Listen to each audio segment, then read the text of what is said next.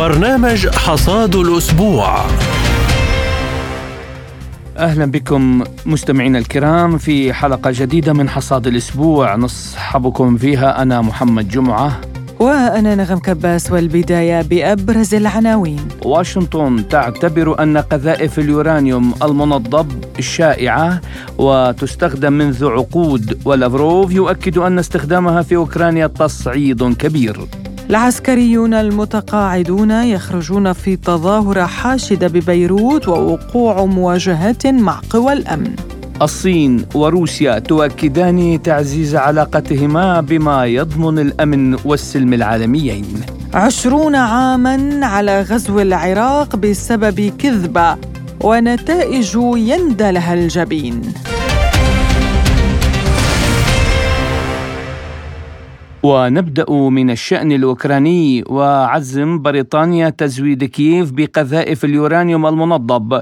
وهو ما قللت واشنطن من خطورته حيث صرح منسق مجلس الأمن القومي الأمريكي للاتصالات الاستراتيجية جون كيربي بأن قذائف اليورانيوم المنضب هو نوع شائع من الذخائر ويتم استخدامه منذ عقود. حول هذا الموضوع قالت المحللة السياسية يفغينيا فويكا. نرى مرة أخرى محاولة لتشويه الحقائق لأن القيادة الأمريكية تعتمد في تصريحاتها وخطاباتها من بين أمور أخرى على تلك الدراسات التي أجريت بأموال أمريكية وربما من قبل وزارة الخارجية. من الواضح أن هذه الدراسات أثبتت سلامة وعدم ضرر القذائف التي تحتوي على اليورانيوم المستنفذ على الرغم من وجود دراسات بديلة تدحض كل التصريحات الإيجابية وتظهر أن تأثير هذه القذائف على الإنسان أكثر من كونها سامة. في الواقع تم استخدام هذه القذائف في كل من العراق ويوغوسلافيا من قبل الولايات المتحدة. كان هناك تأثير سلبي ليس فقط على مواطني هذه الدول ولكن أيضا على الجيش الأمريكي نفسه على الرغم من أن هذا غالبا ما يتم استبعاده من المعادلة. لقد تم الإدلاء بالبيان على مستوى نائب وزير الدفاع في بريطانيا. العظمى أي تم تخفيض المستوى وهذا يسمح للندن بالتراجع إذا اضطر الأمر والإشارة إلى عدم الكفاءة المطلوبة. ثانيا تم الإعلان عن ذلك وقت الاجتماع بين فلاديمير بوتين وتشي جين بينغ أي أنه كانت هناك بعض المحاولات للفت الانتباه. ثالثا نظرا لأن الولايات المتحدة تعلق على هذا وتسلم بالفعل المزيد من الخطوات لبريطانيا يمكننا أن نقول بكل ثقة أن هذا قد تم فإذا التزمت الولايات المتحدة الصمت أو أدانت نية لندن فعندئذ يكون هذا رأي المسؤول الخاص ولكن المبادرة حظيت بموافقة عامة من الولايات المتحدة وعليه ليس من الضروري القول إن هذا رأي خاص. كل هذا تم الاتفاق عليه وجرى وضعه وإعلانه في الوقت المناسب. بدوره قال نائب رئيس مجلس الأمن الروسي ديمتري ميدفيديف إن استمرار الغرب في تزويد أوكرانيا بالأسلحة ربما يؤدي إلى نشوب حرب نووية فيما قال وزير الخارجية الروسي سيرجي لافروف إن هذه خطوة نحو زيادة التصعيد والتصعيد سيكون كبيراً. من جانبها قالت آه، الدكتورة في الكيمياء الفيزيائية والمستشارة السابقة في معهد الفيزياء في بلغراد زوركا فوكيميروفيتش في مقابلة مع سبوتنيك. أن المادة المشعة التي لوثت أراضي صربيا أثناء قصف الناتو في عام 1999 لا تزال تقتل الناس. ومن المعروف أن الناتو اعترف بإلقاء عشرة أطنان من الذخيرة باليورانيوم المنضب على أراضي صربيا. كان من المهم توضيح مكان استخدام هذه الذخيرة. لقد تم رسم خريطة بالاتفاق مع جيشنا. خلصت إلى أننا نتحدث عن خمسة عشر طنا من اليورانيوم المنظب. أضيفت أماكن معينة إلى الخريطة وتبين أن الخريطة أكبر بكثير مما حاول الناتو تقديمه. المادة المشعة التي لوثت أراضي صربيا خلال قصف الناتو عام 1999 لا تزال تفتك بالناس. أحد الأمثلة على العواقب الوخيمة كان قصف اليورانيوم المنظب لمحطة اتصالات بالقرب من مدينة فرنجي في جنوب صربيا في ربيع عام 1999 سبعة من العمال الذين قاموا بتنظيف تداعيات ماتوا بالفعل بسبب السرطان والثامن بات في حالة من المرض الشديد. من المهم للغاية العثور على الأماكن التي لا يزال التلوث موجودا فيها لأن الناس يعيشون هناك ويستخدمون الأطعمة النباتية والمياه. والنتيجة الأسوأ هي أن كل اليورانيوم الذي تم إلقاؤه سينتهي به المطاف في المياه الجوفية مع هطول الأمطار حيث يمكن أن يعرض مياه الشرب للخطر. يوجد أكبر عدد من المواقع المعروفة على طول الحدود الألبانية وتنتمي هذه المواقع في الغالب إلى المجرى المائي لنهر دريم. هذا يعني أنهم ذهبوا إلى البحر الأدرياتيكي. من المهم للغاية تنظيف التربة الملوثة في جميع أنحاء صربيا والتخلص من النفايات بشكل صحيح حتى يتمكن الجميع من إنجاب ذرية سليمة. وفي حال لم يتم الاستجابة لهذه التحذيرات فهناك خطر كبير يجعل التربة ملوثة لمليارات السنين.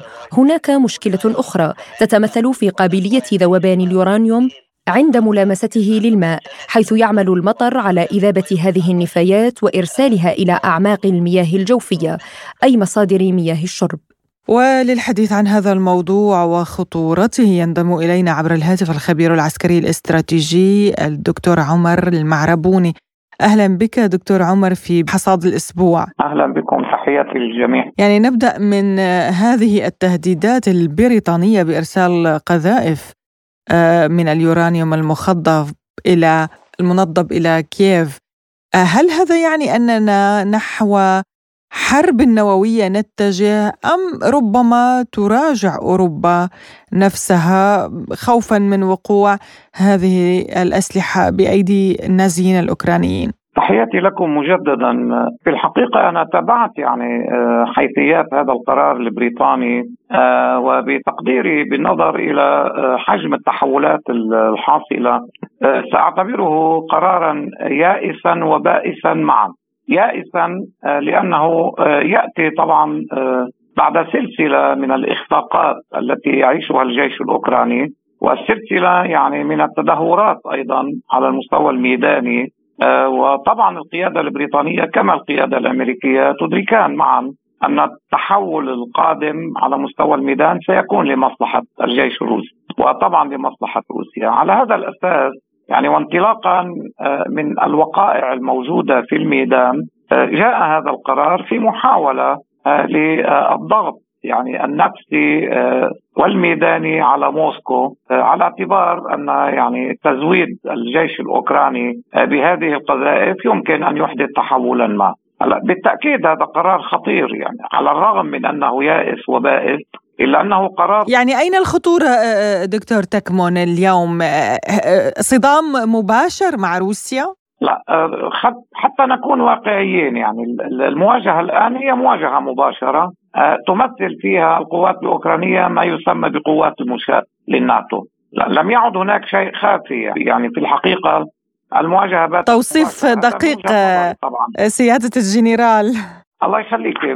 طبعا يعني المسألة ليست مسألة عاطفية. في قراءة موضوعية لطبيعة المواجهة الحاصلة الأمريكيين يطرحون يعني شعارات وعناوين أساسية يعني هي تحقيق الهزيمة في روسيا. في المقابل يعني وعلى لسان الرئيس فلاديمير بوتين يعني قال بوضوح يعني وبالتدريج أن هذه المعركة آه، هي للحد من الهيمنة الأمريكية لتنتقل يعني المسألة إلى القول بشكل صريح وواضح أنها لإسقاط الهيمنة الأمريكية وانهائها. اذا المواجهة على المستوى الاستراتيجي الأساسي هي مواجهة مباشرة. الناتو يعني يدعم أوكرانيا بكل ما يستطيع قوات المشاة للناتو الآن هي الجيش الأوكراني ببساطة يعني وبالتالي آه، هذه معركة ستستمر آه، ستكون سيكون لها تداعيات كبيرة.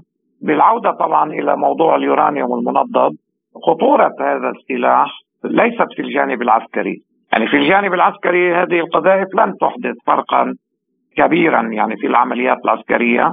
قد تؤدي طبعا إلى تدمير الدبابات الروسية إذا أصابتها هذه القذائف وهذا يعني أمر مؤكد. لكن الخطورة خطورة بيئية صحية. وهنا أود أن أستعين بأمثلة من يوغوسلافيا ومن العراق هذه القذائف اليورانيوم المنضد تحوي جزءا مهما من الأشعة آه الذي يمكن أن يؤدي إلى تلوث التربة والمياه لعشرات السنين وليس فقط لشهر أو شهرين أو حتى سنة أو سنتين. مليارات السنين حتى يقال.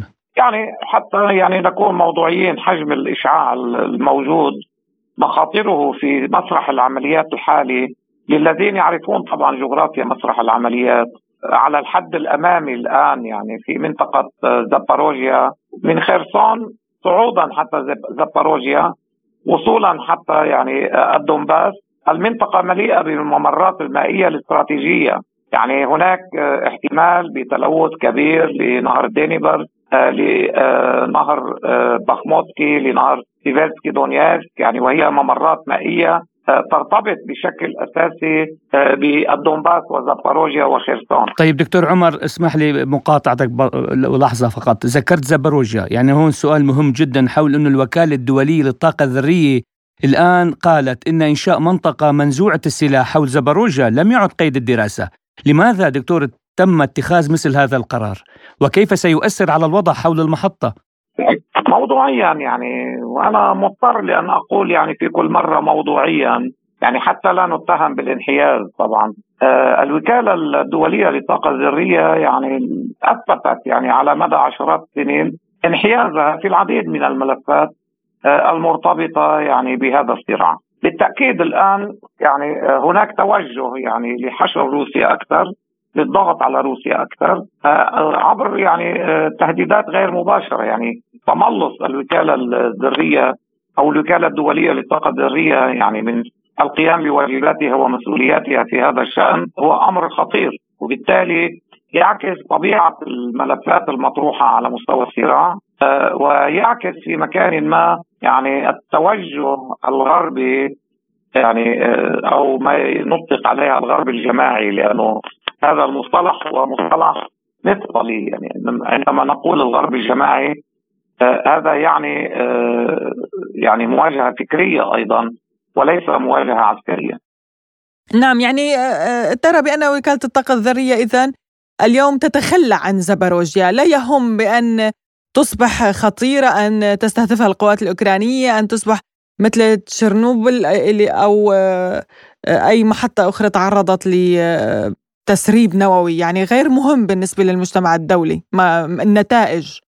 أوكرانيا كلها غير مهمة بالنسبة للمجتمع الدولي. أوكرانيا تستخدم أو تستعمل الآن يعني كجغرافيا وكشعب يعني في هذه المواجهة. وهذه جزء من أخلاقيات وقيم الغرب الجماعي. يعني لا شيء جديد يعني في هذه المسألة. يعني هذا الغرب الجماعي القائم على النيوليبرالية المتوحشة آه، في سلوكه سواء العسكري أو الاقتصادي أو حتى القيمي. من الطبيعي جدا أن نرى يعني هكذا ممارسات وهكذا تصرفات. يعني يمكن أن نعتبر بأنها رد فعل مثلا غربي على زيارة الرئيس الصيني والنتائج الإيجابية التي حدثت هنا في موسكو بين روسيا والصين؟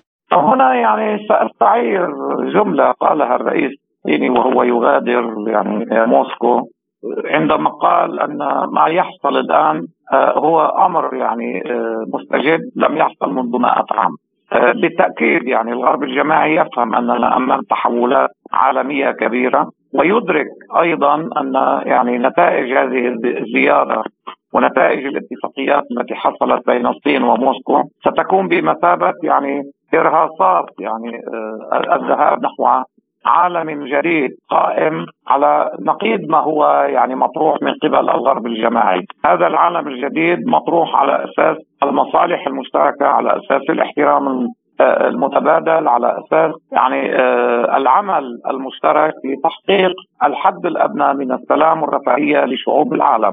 في المقابل طبعا يعني الولايات المتحدة الأمريكية قامت وتقوم يعني حتى اللحظة بتغذية النزاعات وليس فقط تغذية النزاعات يعني بل خلق هذه النزاعات. وهناك عشرات الأمثلة أمامنا منذ عقود طويلة حتى اللحظة. نحن يعني جيل تربينا على مصطلح أن هذا الغرب الجماعي هو الناهب الدولي، يعني هذه الرفاهية القائمة والموجودة في الغرب الجماعي قامت على حساب الشعوب الفقيرة، يعني آه التي استغل هذا الغرب الجماعي ثرواتها وإمكانياتها وخيراتها. وبالطبع يعني نحن نفهم الآن يعني آه حدة وانزعاج هذا الغرب من يعني تخلي الكثير من الدول وعلى راسها إفريقيا. يعني هناك تحول كبير يحصل في إفريقيا. وخروج يعني هذا الغرب الاستعماري من إفريقيا بالتدريج بنتيجة طبعا يعني رغبات قيادات والشعوب في هذه القارة يعني العظيمة. آه، وبالتالي آه، انعكاس ما يحصل الآن هو يعني هذه المعركة الوجودية سواء لأمريكا التي ترغب في استمرار هيمنتها المتساقطة والمتراجعة آه، وهناك يعني طبعا عالم جديد يتشكل على الأسس التي ذكرتها قبل قليل. طيب دكتور عمر يعني بالنسبة للتزويد نظام كيف بالأسلحة هل سيبقى بدون تغيير؟ لأننا سمعنا مؤخرا رئيس تشيك قال لقد استنفدنا قدراتنا على مساعدة أوكرانيا بالأسلحة. يعني في هناك تذمر أوروبي يعني. يعني المسألة ليست مرتبطة بتشيك أو بغيرها يعني. الحقيقة يعني أنا قناعتي أن الولايات المتحدة الأمريكية ستسخر كل الإمكانيات التي يمكن تسخيرها لاستمرار هذا النزاع ولاستمرار هذه المواجهة يعني كما قلت. يعني إلى متى؟ لم يكن هناك حد؟ إلى أن يقتنع يعني قادة الغرب الجماعي بأن هناك فعلا تحولات جديدة وعليهم التعامل معها بموضوعية وبواقعية يعني كيف شكل هذه التحولات دكتور رغم أنه الكل يعرف أن روسيا لن تنهزم وليس في مخططها الانهزام أبدا في هذه في هذه الساحة على المستوى التاريخي يعني أنا كتبت منذ أيام روسيا لم تهزم يوما ولن تهزم وطبعا هذا ليس يعني تعبيرا عاطفيا وجدانيا بقدر ما هو قراءة واقعية للتاريخ. على هذا الأساس يجب أن يصل قادة الغرب الجماعي إلى هذه القناعة. يعني هناك في الحقيقة دولتين على في العالم لن تهزما أبدا. وأنا هنا يعني أحاول أن أوصف توصيفا دقيقا يعني وعلميا للتاريخ. روسيا آه، واليمن. يعني وطبعا هنا ليس على سبيل المقارنة يعني على سبيل الاستعراض التاريخي. آه، طبعا روسيا لأنها تمتلك خلفية تاريخية كبيرة تمتلك تجربة عريقة في هذا الاتجاه تعرضت للغزو وللهجمات على مدى عقود طويلة. لم يستطع أحد يعني لا المغول ولا نابليون ولا هتلر ولن تستطيع أيضا أمريكا على رأس الغرب الجماعي الآن أن تحقق الهزيمة في روسيا. آه، هذه حقائق تاريخية يعني لا يمكن لأي مواجهة آه، يعني آه، أن تقرأ بشكل صحيح بدون الخلفية التاريخية لمن يخوضها. وهم لديهم هذه العقيدة دكتور يعني الروس لديهم عقيدة إتمام العمل حتى النهاية هذه منذ الطفولة برب أولادهم عليها. نعم إذا نعم أنا طبعا خريج الاتحاد السوفيتي السابق خضعت لثلاث دورات عسكرية هناك لفترة طويلة. أستطيع أن أؤكد بل أجزم أنني آه، خبير يعني في شؤون الشعب آه، آه، السوفيتي بشكل أساسي والشعب الروسي يعني على رأس يعني الشعوب السوفيتية السابقة. وبالتالي أستطيع أيضا أن أؤكد لك أن ما طرحته هو أمر حقيقي وواقعي. يعني هناك منظومة قيم متأصلة لم يتنازل عنها الشعب الروسي بشكل أساسي أو شعوب الاتحاد الروسي لأنه هناك آه، تناغم كبير يعني بين شعوب الاتحاد الروسي الآن آه، وبالتالي يعني نحن نستطيع أن نرى هذه المسألة من خلال الاندفاع الوجداني للمشاركة في هذه المواجهة. طبعا هناك الكثير من الإشكاليات والمشاكل المطروحة يتم العمل على علاجها وحلها آه، وهذا له طبعا أسبابه. وهنا أود أن أشير إلى مسألة مهمة جدا بنتيجة معرفتي بخصائص شعوب الاتحاد الروسي أن طول أمد المعركة سيكون لمصلحة الاتحاد الروسي. لأنه أحد الجوانب المهمة الآن التي يعمل عليها هي تحفيز الروح الوطنية تحفيز الروح القومية لدى شعوب الاتحاد الروسي. الآن ومن خلال تواصلي مع الكثير الكثير من الأصدقاء. ومنهم طبعا يعني آه، شهادات لجنود يعني شباب. يقولون بشكل واضح الآن أننا على طريق أبائنا وأجدادنا وهذه مسألة مهمة جدا. آه، إن كان الغرب الجماعي يراهن على تحقيق الهزيمة في روسيا انطلاقا من مسألة الاستنزاف هناك أمثلة في الاقتصاد الاقتصاد الروسي يتحسن آه، بنتيجة طبعا التحول إلى الإنتاج الداخلي الوطني. آه، إن كان على المستوى النقدي الروبل في وضعية جيدة. إن كان على مستوى الروح الوطنية هناك تحول كبير في هذا الاتجاه. هناك استقرار معيشي على يعني عكس ما أراده الغرب في هذا الجانب. آه، اذا معالم المواجهة الأساسية تتجه للحسم لمصلحة روسيا. قد تستغرق المسألة وقتا طويلا آه، لكن يعني عندما تخاض المواجهات آه، لحماية الأمن القومي ولحماية الوجود يعني بالتأكيد يعني سيكون هناك الكثير من التضحيات والكثير من التحولات.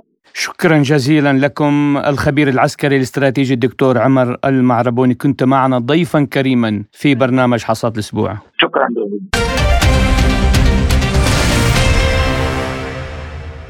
وإلى لبنان حيث نفذ آلاف العسكريين المتقاعدين في الجيش اللبناني والقوى الأمنية تظاهره حاشدة في ساحة رياض الصلح في بيروت وذلك احتجاجا على تدهور أوضاعهم المعيشية وتآكل رواتبهم مع انهيار الليرة اللبنانية أمام الدولار وسط تواجد أمني وعسكري كثيف. التفاصيل مع مراسل سبوتنيك في لبنان عبد القادر الباي.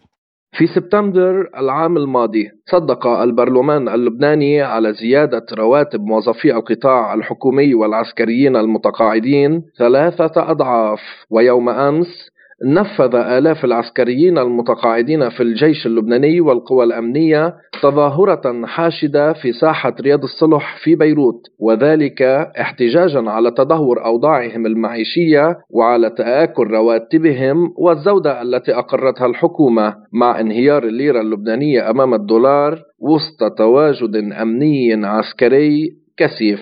وتنوعت مطالب المتظاهرين ما بين تحسين ظروف عيشهم من طبابة واستشفاء وغيرها من التحفيزات وبين تثبيت وخفض منصة صيرفة على سعر 28500 ليرة لبنانية. ووقعت مواجهات بين المتقاعدين وزملائهم في الخدمة الفعلية من قوى أمن وجيش لبناني بعد أن أزال المحتجين الأسلاك الشائكة وحاولوا الاقتراب من مبنى السراي الحكومي. الأمر الذي تطور إلى استخدام القنابل المسيلة للدموع والحجارة والعصي. وحول أسباب هذه الاحتجاجات قال العميد المتقاعد محمد شقير لسبوتنيك. بخرت نتيجة سرقة المال العام. مش لأنه فقط بس يعني كيف كيف راحت الليرة اللبنانية؟ كيف سقطت؟ كيف تدهورت قيمة العملة اللبنانية؟ تدهورت لأنه بعد ما كان في عندنا نحن بأول 17 تشرين بتذكر منيح أنا كل الاقتصاديين كل المفكرين الاقتصاديين كانوا عم بيقولوا حتى رياض سلامي نفسه كانوا عم بيقولوا في بحدود ال 45 مليار دولار بخزينة الدولة اللبنانية، ال 45 مليار دولار بثلاث سنين طار منهم بحدود ال 40 مليار، طيب وين راحوا؟ هاو جزء كبير منهم اخذوهم السياسيين وحولوهم بالوقت اللي كان ممنوع علينا أنا متقاعد بقوى الداخلي. عندي تعويضي كله بخزينة الدولة. ما قدرت أحصل قرش. بهذا الوقت كان كل السياسيين بالدولة اللبنانية بالتعامل مع جمعية المصارف مع حاكم مصر لبنان كلهم كانوا عم بيهربوا أموالهم للخارج بالدولار. ونحن كان ممنوع علينا ناخذ أموالنا حتى بالليرة اللبنانية كانوا عم بيحددوا كل شهر قيمة معينة للمص... للسحب هي واحد. اثنين أخذوا كمية كبيرة من الأموال حطوها تحت حجة الدعم. هذا الدعم راح لشركات ومؤسسات هن خرقوها وهن صنعوها وهن عملوها بحجة دعم المواد الغذائية سرقوا نصها ثلاث أرباعها بحجة دعم. حتى الطبابة الطبابة كانوا عم يسرقوا نصها بالمستشفيات الحكومية ونصها باسم إنه عم يدعموا آه، الأدوات الطبية الأدوية وإلى آخره. إضافة إلى ذلك بحجه كمان دعم اللحوم. أنا بتذكر منيح بحدود 400 مليون بحدود 300 مليون دولار راحوا على دعم اللحوم. ونص الشعب اللبناني ما حصل على لحم مدعوم. وبالتالي لا في في إمكانية لإعادة الأموال للبنان. في جزء كبير من الأموال تم تهريبها لازم ترجع على البلد.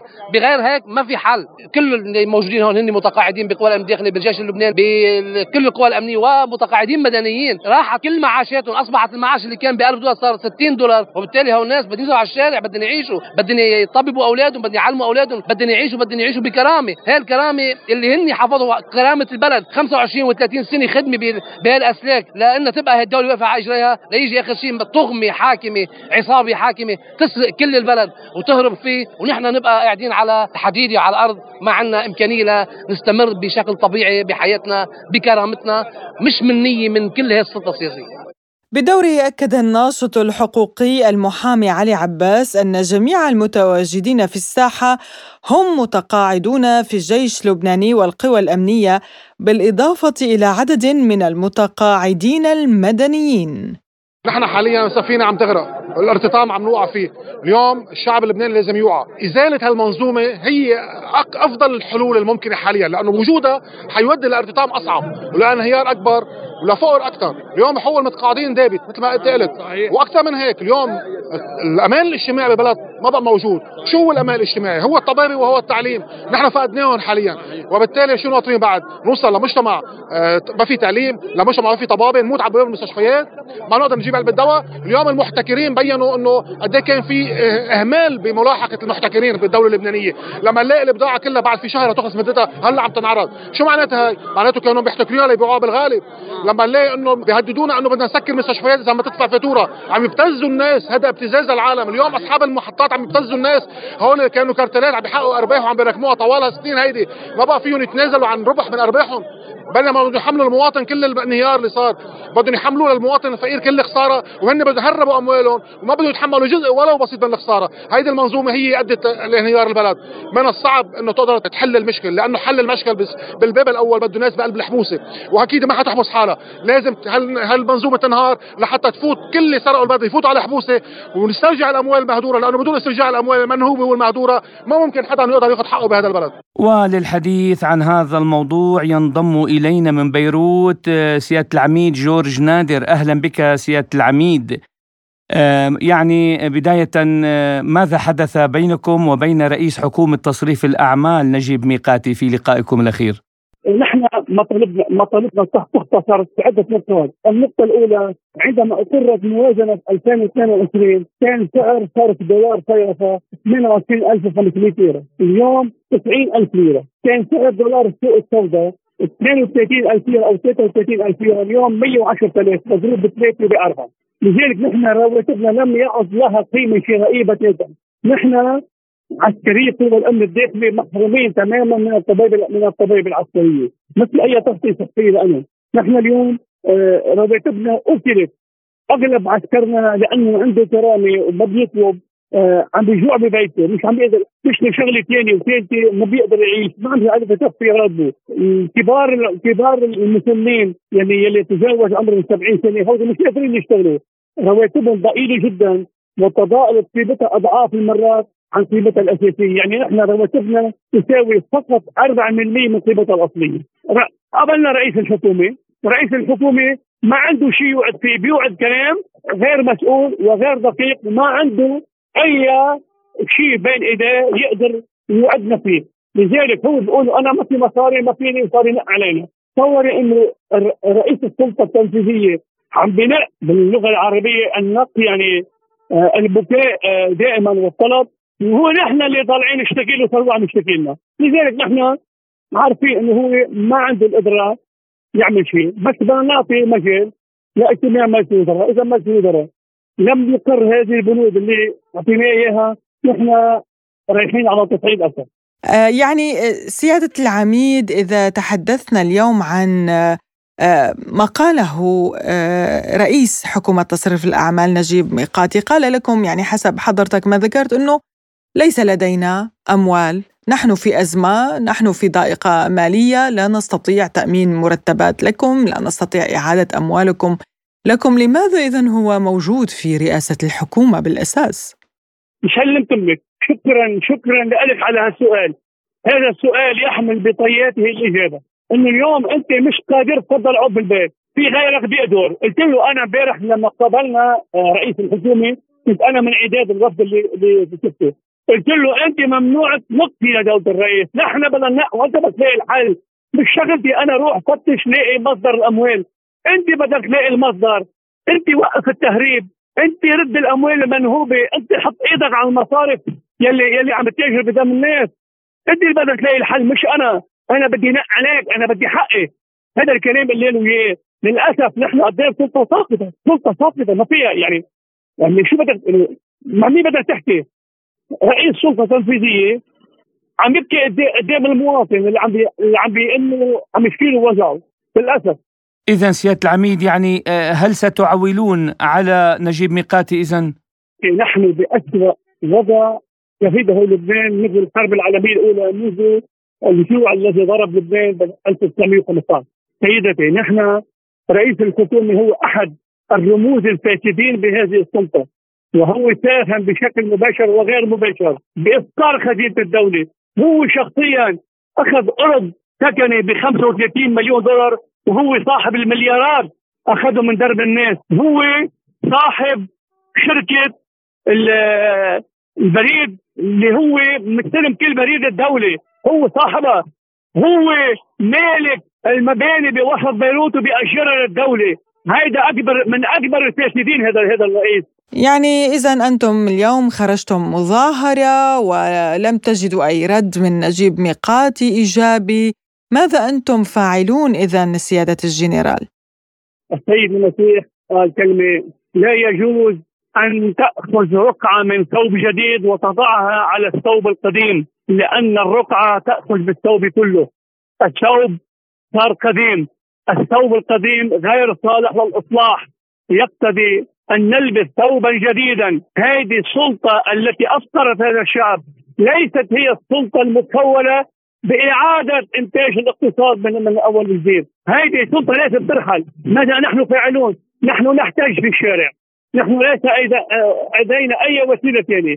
ما لنا غير الشارع. ما لنا غير اتحاد ما لنا غير حل. ما عندنا غير حل. هن بيتكلوا تصوري أنت اليوم. نحن سلطة أو مجموعة الكتل اللي هي بتتكل على الاتفاق الإيراني السعودي لإنتاج رئيس جمهورية في لبنان.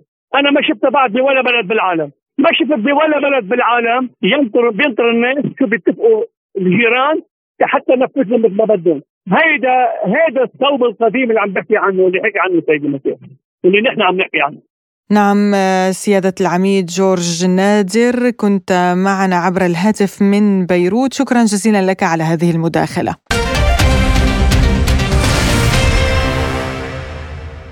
ويبدو أن الزيارة الأخيرة للرئيس الصيني شي جين بينغ للعاصمة موسكو جاءت تأكيدا على عمق العلاقات بين روسيا والصين وغايات طموحة لاستمرار التعاون بين البلدين في مختلف المجالات في المستقبل. وصف الرئيس الروسي فلاديمير بوتين المحادثات بين الجانبين بالمثمرة للغاية وأن العلاقات بين البلدين مثال على كيفية تفاعل القوى العالمية والأعضاء الدائمين في مجلس الأمن الدولي. وحول أهمية هذه الزيارة تحدث لسبوتنيك الخبير في الشأن الصيني غسان يوسف قائلا: طبعا يعني أنا أعتقد بأن الصين آه، بالثقة التي تتمتع به آه، وأيضا يعني أن الصين هي على علاقة جيدة مع روسيا آه، أيضا كانت يعني هي علاقه على علاقة جيدة مع أوكرانيا وهي لم تؤيد يعني بشكل علني يعني العملية العسكرية الروسية في أوكرانيا. لذلك يمكن يمكن أن تلعب دور الوسيط يعني بين الدولتين. ويعني تعرف بأن الصين طرحت مبادرة لحل المشكلة. أعتقد بأنها تريد أن تفعل يعني هذا آه، الحل من خلال هذه الزيارة، طبعا يعني آه، هذه الزيارة بغض النظر يعني عن ما يحدث في أوكرانيا هي تؤكد عمق العلاقات الروسية الصينية. أيضا تؤكد بأن يعني الحلف الصيني الروسي سيبقى مستمرا رغم الانتقادات الأمريكية والتحذيرات الأمريكية بعدم التعاون مع روسيا.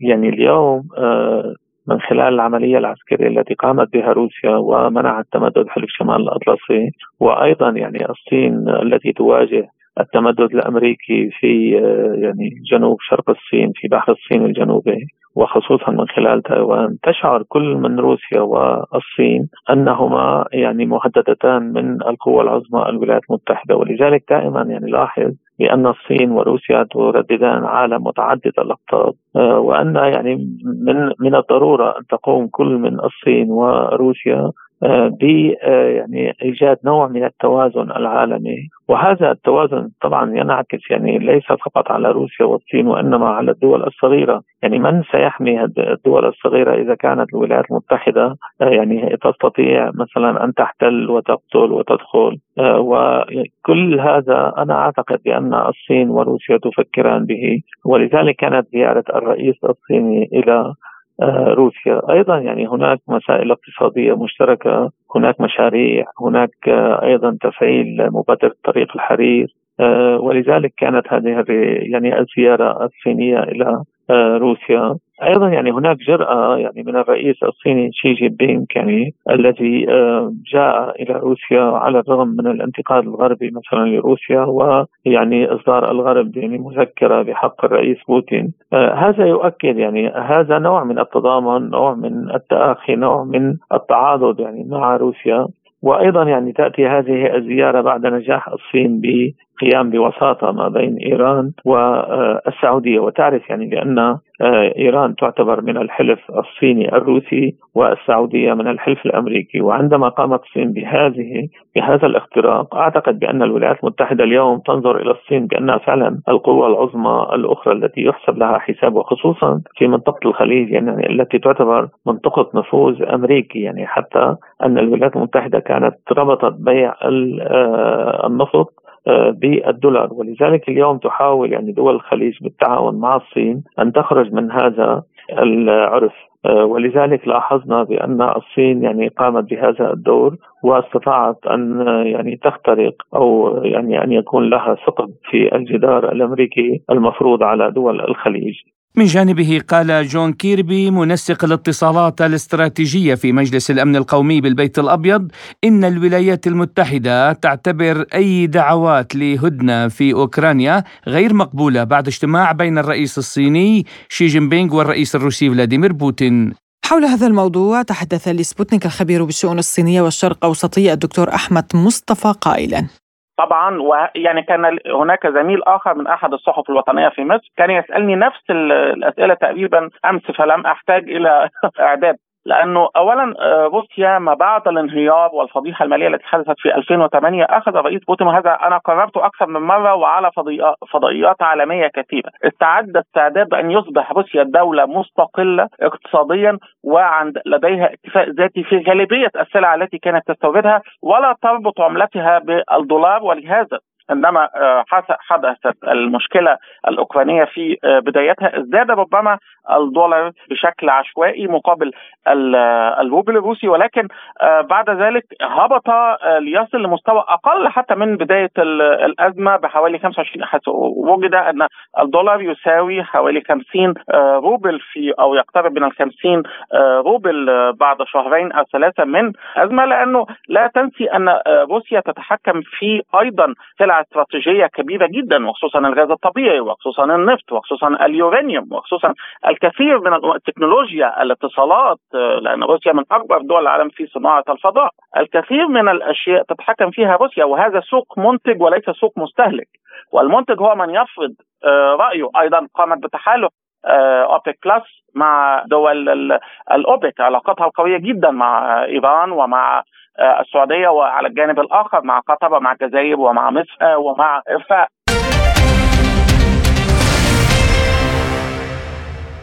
قبل عشرين عاما أي في العشرين من مارس آذار 2003 أطلقت الولايات المتحدة وحلفاؤها ما يسمى عملية حرية العراق للإطاحة بسلطة صدام حسين. وبحلول شهر مايو أيار كان التحالف قد استولى بالفعل على البلاد وقسم أراضيها إلى عدة مناطق محتلة. حول هذا الموضوع تحدثت لسبوتنيك المحامية بشرى الخليل التي تولت الدفاع عن الرئيس العراقي الراحل صدام حسين قائلة آه رح لك كلمة مش حكيتها قبل قال لي إياها الرئيس صدام الله يرحمه قال لي سجلة عندك هذا آخر خروج للجيش الأمريكي خارج دياره بعد مجيئه لهون ما عادش ممكن يظهر ابدا. من من ديار الجيش الأمريكي لا ياتي هيدي نقطة. وطبعا ثبتت بهالايام هلأ أمريكا عم بتحارب بالحرب البديلة بتحارب بالآخرين. نعم. هي نقطة. سبب طبعا يعني السبب إنه أصلا مجيئها للعراق كان خطيئة كبيرة إلها مش خطأ خطيئة إلها هي. مش بس طبعا عملية تدمير للمنطقة. واعتبرت بوقتها هي إنه الأمن القومي الأمريكي يمتد إلى العراق. يعني اليوم الأمن القومي الروسي ما بيمتد لأوكرانيا اللي هي بلزقه بس الأمن القومي الأمريكي بيمتد للعراق اللي بعيد عنها آلاف الأميال. أمريكا أنا عم بقرأ كتاب بوب وودورد خطة الهجوم اسمه. يعني عم بقرأ كثير كتب هلأ عن أمريكا اللي انوضعت حول حرب العراق من امريكان طبعا تعرف إنه جورج بوش لما أخذ القرار كان في سبب رئيسي عنده هدف رئيسي مش عارفين هن فيش سلاح دمار شامل. لما قعدوا يناقشوا إذا في أو ما في تبين لأغلبية الخبراء بأمريكا إنه ما في. وبوش كان عنده بيقول إنه هذا في شبهة إنه في في تأكيد. ما حدا فيهم قال في تأكيد مع إنه كذبوا على العالم وأكدوا هذا الخبر بس كانوا عم بيكذبوا عنه كان هدفه الرئيسي بوب وودور آه، شو اسمه جورج بوش الابن هي الاطاحه بصدام حسين وقتل وإزاحته عن وجه الكرة الأرضية لصدام حسين. لأنه هاي الحساسية الفائقة اللي كانت للأمريكي من شخص عربي قائد مثل صدام حسين آه، خلت أمريكا تعتبر إنه مجرد وجوده هو عقبة في آه، وجه مشاريع على المنطقة. اللي بينت بعدين صفقه القرن وقصة المصالحات الخليجية الإسرائيلية وهيدي الشغلات. فكان بده يتم المشروع الصهيوني هو آه، جورج بوش. غير أمريكا بهيدا المستنقع. دخولها كان مؤلم كثير. كلنا بنتذكر الساعة اللي شفنا فيها بتسعة نيسان. كنا عم نشوف الدبابة الأمريكية بقلب بغداد. كان يمكن آه، أقصى مشهد بيمرق على أي عربي على أي حدا فينا نحن يعني. إنه أنت اليوم الدبابة الأمريكية بقلب بغداد محتله بغداد. وفيش رصاصة طلعت عليها من قلب بغداد بهيديك اللحظة. كان مؤلم كثير لأنه بنتذكرها بألم شديد. وهلأ لو الأمريكي بين أنه بداية انهيار وبداية انحدار الإمبراطورية الأمريكية بدأت بهاي الغلطة التاريخية الكبيرة لها هي مش بس لنا بغزو العراق. بدأ الانحدار عنا أول شيء انضربت منظومة القيم اللي عندهم اللي قائم عليها المجتمع الأمريكي. الأمر الثاني خسرت عسكريا. يعني كانت الجثث عم توصلها بالتوابيت أي غير الناس المرتزقة اللي كانوا عم بكبوهم ببحيرة الحبانيه يعني بيعترفوا بأكثر من 4000 جثه وصلتهم من امريكان هيدي بيعتبروه رقم كثير كبير بالنسبة لهم هن وفيما إذا كان الغزو الأمريكي للعراق تعبيرا واضحا عن التسلط الأمريكي والغربي على شعوب العالم قالت بشرى.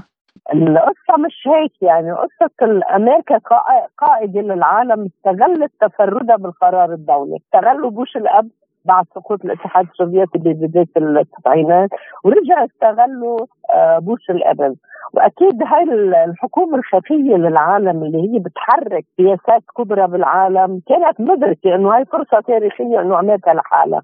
ففيها تعمل كل مشاريعها بهيدي الحقبه طالما مش مستمرة على طول وبدها ترجع التعددية القطبية بلحظة ما من التاريخ ترجع تولد. بتذكر بكثير من الأسى هاي اللحظة. ليش؟ صح الأمريكي بلش بالانحدار وهذا مطلب لنا الغرب كله بلش بالانحدار وهذا مطلب لنا لأنه من أسوأ الحقب بالتاريخ كله هي التسلط الغربي والأمريكي على الكرة الأرضية. لأنه يعني غير أنهم قتلوا الناس كافة سواء المالية أو الاقتصادية جوعوا الشعوب قتلوا الشعوب. إدارتهم للعالم كانت من أسوأ ما يكون يعني أسوأ من روما بزمانها. إيه إيه بس ما بتعرف العقاب كيف ممكن يصير بعدين يعني بعد شوي. يمكن شعوبهم تعاقبهم ما بتعرف لأنه الشعوب هيدي التراجع الكبير اللي عم بيصيبهم هلا وهالصدمة الكبيرة اللي أصابت شعوبهم خاصة بعد حرب أوكرانيا الحرب المجيدة هاي الحرب العظيمة اللي الله يمكن عم يسأر للعراق وللعرب فيها هيدا الحرب. لأنه هلا عم بتفرجي أمريكا حجمها شو وحطتها عند حد هذا الديناصور الأمريكي الفلتان اللي قاعد عم بدعوت بالعالم اجت الحرب الروسية لا تحط له حد وأنا ما بدي الروسية عم تحرر أرضها. تاريخية. لا حرب حقيقية وحرب عادله وحرب بمحلها هيدي الحرب. وهي من أهم الحروب الحاسمة على فكرة. رح تكون بتاريخ العالم آه، هول القرنين ما بين ال 20 وال 21 هي أهم حرب حتكون لأنه حرب حاسمة تعمل تحول بتاريخ العالم وتحول بتاريخ الشعوب، الشعوب رح ترتاح لأنه الروسي والصيني والشرقي بحياته ما تجبر على الشعوب، كان يعمل تنمية، كان عنده تبادل خدمات بينه وبين الشعوب اللي هو عم يتحالف معها غير الغرب اللي بيستعمل الناس أجرة لإله. وحول الغزو الأمريكي للعراق كان للعميد الركن أعياد الطوفان قراءة تقييمية نقلها في حديث لسبوتنيك. يا سيدي العزيز واهم وقليل وقاصر الفكر من يتصور إن الحرب بدأت في يوم 17 آذار وانتهت في التاسع من نيسان أبدا. الحرب بدأت في يوم 2 8 1990 عندما دخل الجيش العراقي إلى الكويت. كانت هذه الذريعة القاسية. بعد ما كل ما جرى للجيش العراقي من مآسي عند الخروج من الكويت والانسحاب القسري هذا من جانب. الجانب الآخر هي طيلة فترة الحصار.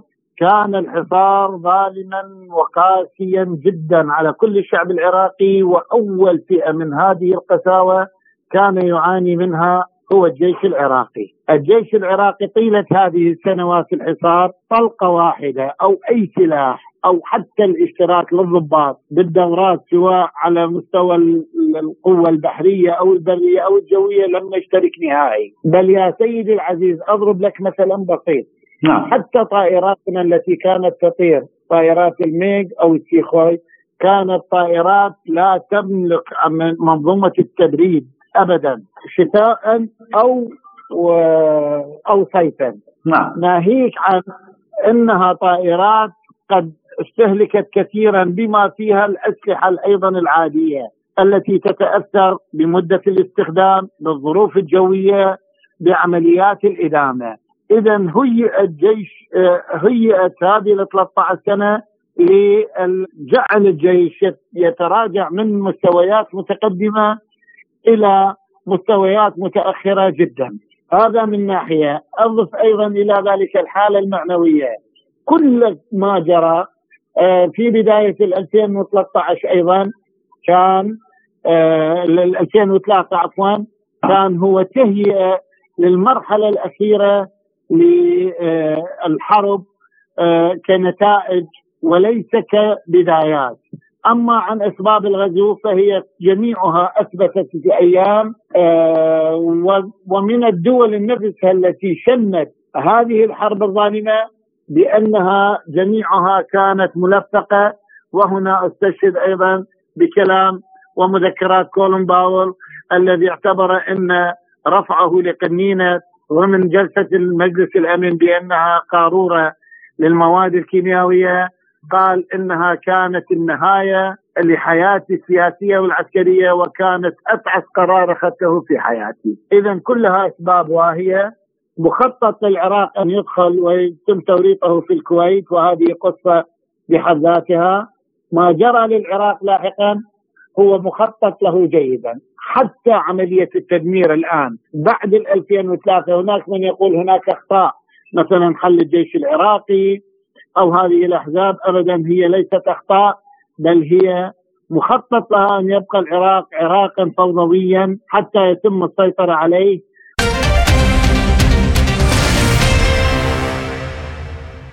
ومن السياسة إلى الاقتصاد حيث قال وزير النفط الإيراني جواد أوجي لوكالة سبوتنيك إنه بعد توقيع اتفاقية سلام مع المملكة العربية السعودية تخطط طهران لتطوير حقول مشتركة في الخليج العربي باستثمارات من الرياض.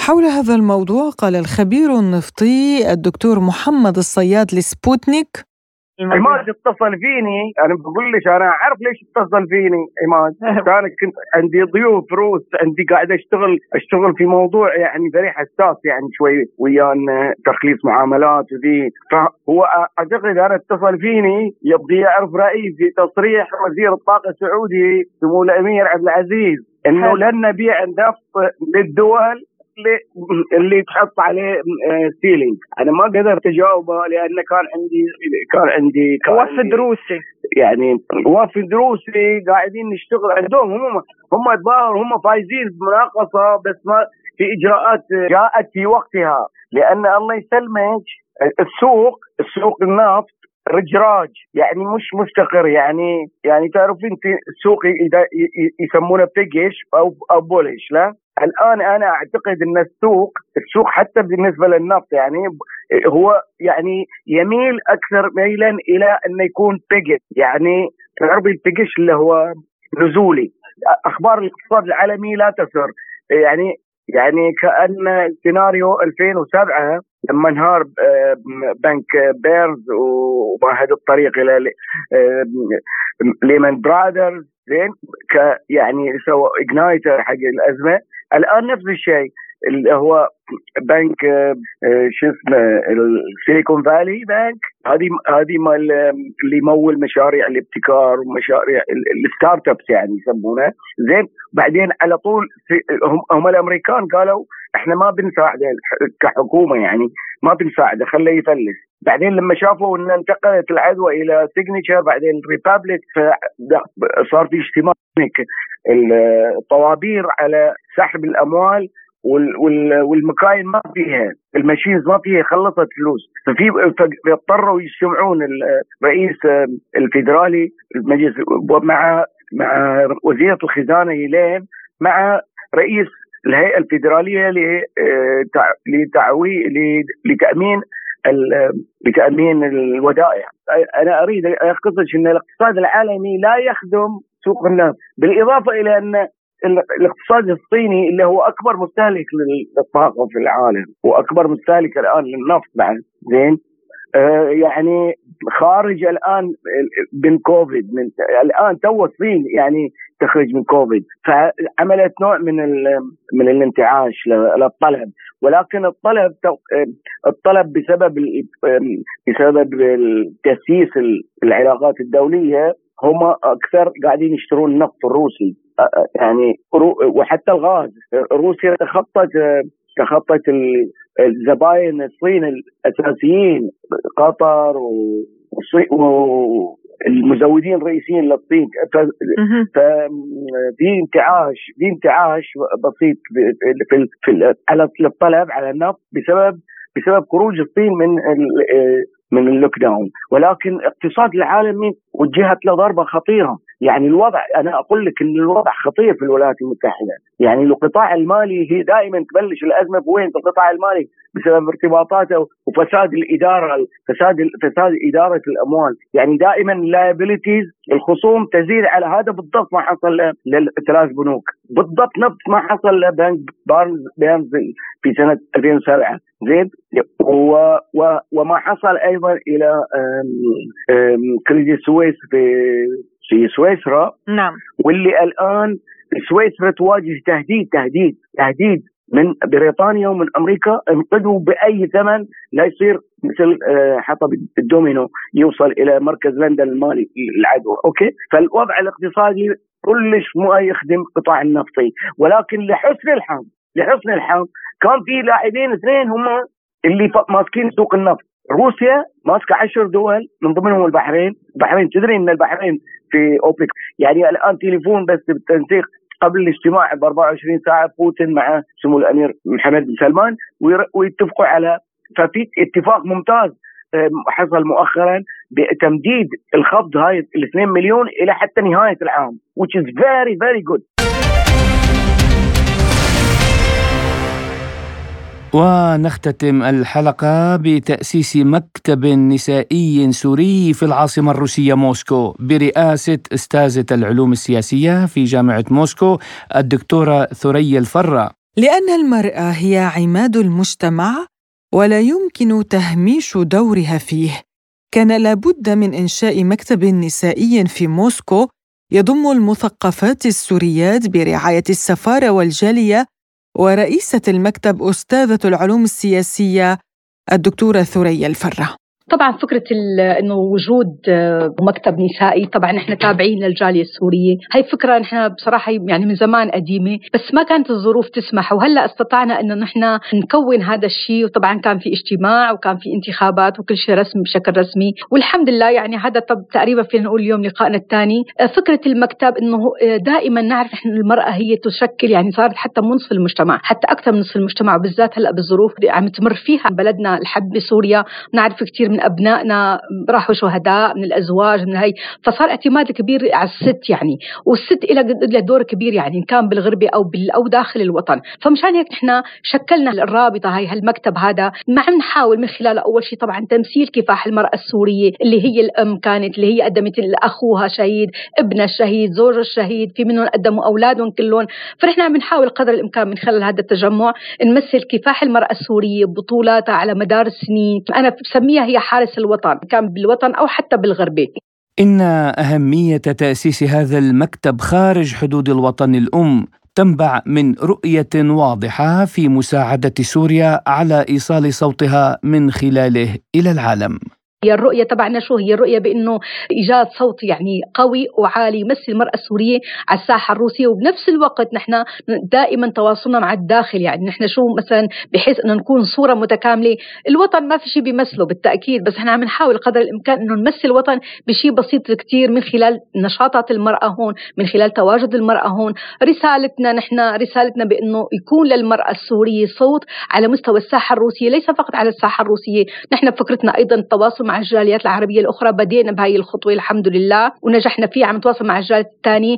أيضا نحن عندنا قضية كبيرة هي قضية سوريا والظلم اللي تعرضت له والعقوبات اللي عم تتعرض لها. نحن هلأ بحال يفترض نحن يكون صوتنا موحد تجمعنا موحد بهدف أن نرفع العقوبات عن سوريا. عم نحاول نتواصل مع أيضا منظمات نسائية روسية وأيضا وغير روسية طبعا عربية وأوروبية. هذا عم نحاول. الخطوة الثانية هي حتكون في برنامجنا. الهدف أنه إيضاح سوريا سوريا تاريخ سوريا اللي عمر عمر هالبلد هذا اللي دمشق فيها عمر أكثر من 5000 عام. بانه نوصل هاي الفكرة نوضح للعالم قد إيه سوريا انظلمت بهالحرب. هذا 12 سنة يعني وسوريا تعرضت لحرب هي ما لها علاقة فيها لمجرد إنه كان في لها موقف شريف موقف موقف صامد يعني. كانت دائما هي بتمثل فعلا صوت العروب الحر مثل ما بيقولوا. آه، فنحن خطوتنا إنه نوضح للآخرين إنه كيف سوريا تعرضت مو بس لعقوبات لهجمة إعلامية شرسة كثير نحن دورنا كنساء نوضح فعلا حقيقة سوريا حقيقة صمود المرأة السورية اللي هي هلا عم تمثل تقريبا في مو مو سوريا مو نص سوريا عم تمثل تقريبا ثلاث أرباع سوريا بوجودها بكيانها بعملها بصوت الحر ودائما المرأة هي الأساس. يعني وين بتنوجد المرأة؟ أنا لا أغبن طبعا حق الرجل على العكس ولكن أين توجد المرأة؟ توجد الحياة بالتأكيد. تعريف الجيل الجديد بعادات وتقاليد المجتمع السوري وتعزيز الروابط بين المغتربات أولوية لدى المكتب. للأسف يعني الغربه أحيانا ما بيقولوا الغربه مضيعه على الأصول أو الغربه فرقتنا عن بعض فرقت جمعاتنا الصبح مين فينا ما بيتذكر الصبحية سوا فنجان القهوة جمعتنا العصرونية مع بعضنا السهرات نجمعها بعض المناسبات تجمعنا مع بعض الأعياد تجمعنا مع بعض هذه للأسف بالغربه فقدناها. فنحن من خلال هذا التجمع رح نرجع هاي الأشياء كلها من خلال جمعتنا مع بعض والأهم أيضا هون في جيل في جيل جديد ولد بهالبلد ما بيعرف شيء عن سوريا. فنحن دورنا نشرح له مين سوريا؟ شو سوريا شو تاريخ سوريا شو عاداتنا شو تقاليدنا. من خلال جمعاتنا رح يكون في لنا إن شاء الله معارض رح نشارك فيها رح نشارك بكل المجالات المجالات الثقافية. إذا سمح الوقت كمان ممكن نعمل إن شاء الله مؤتمرات صحفية والأهم في إنه نحن دائما نربط الجالية السورية بالوطن الأم نعرف هالجيل هذا. رح نقيم بدورات تدريبية بكافة المجالات بالإضافة طبعا للبرامج الترفيهية وهي بتعرفوا كثير مهمة كثير بالغربة بحكم ضغط العمل والحياة حياهم بالغربة بتسرقنا نحن التجمع ما بنتمي لا لأي دين ولا لأي طائفة ولا لأي حزب سياسي. نحن تجمع إنساني سوريا بتجمعنا وبس.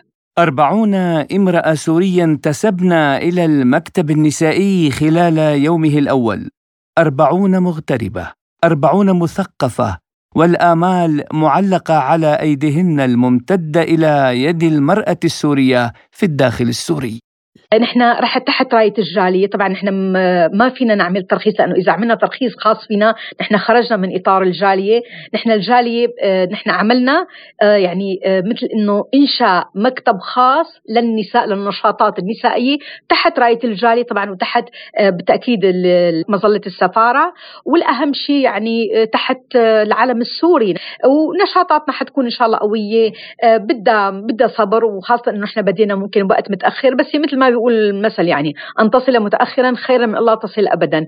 وبجهودنا وبجهود الستات مجموعتنا كثير حلوة مجموعتنا من أطباء من من دكاترة حملت شهادة يعني نحن أقل شيء عنا بالمجموعة حملت دبلوم يعني أو بكالوريوس مثل ما بيسمى. عنا من كل التخصصات نساء واعيات مدركين الهدف اللي هن دخلوا مشانه ودائما تجمعنا كبير. نحن هلأ تقريبا يعني بحدود 40 امرأة. في كثير حابب ينضم لنا الحمد لله أخذ لقاء كبير يعني حتى بسوريا على مستوى سوريا حتى أخذ صدى بالداخل السوري وهذا الشيء حلو وبدعم الجميع أكيد إن شاء الله بنوصل. آه، مكتبنا هذا كتير لسه جديد بس آه، استطعنا إنه نقدم شيء لسوريا بفترة الزلزال.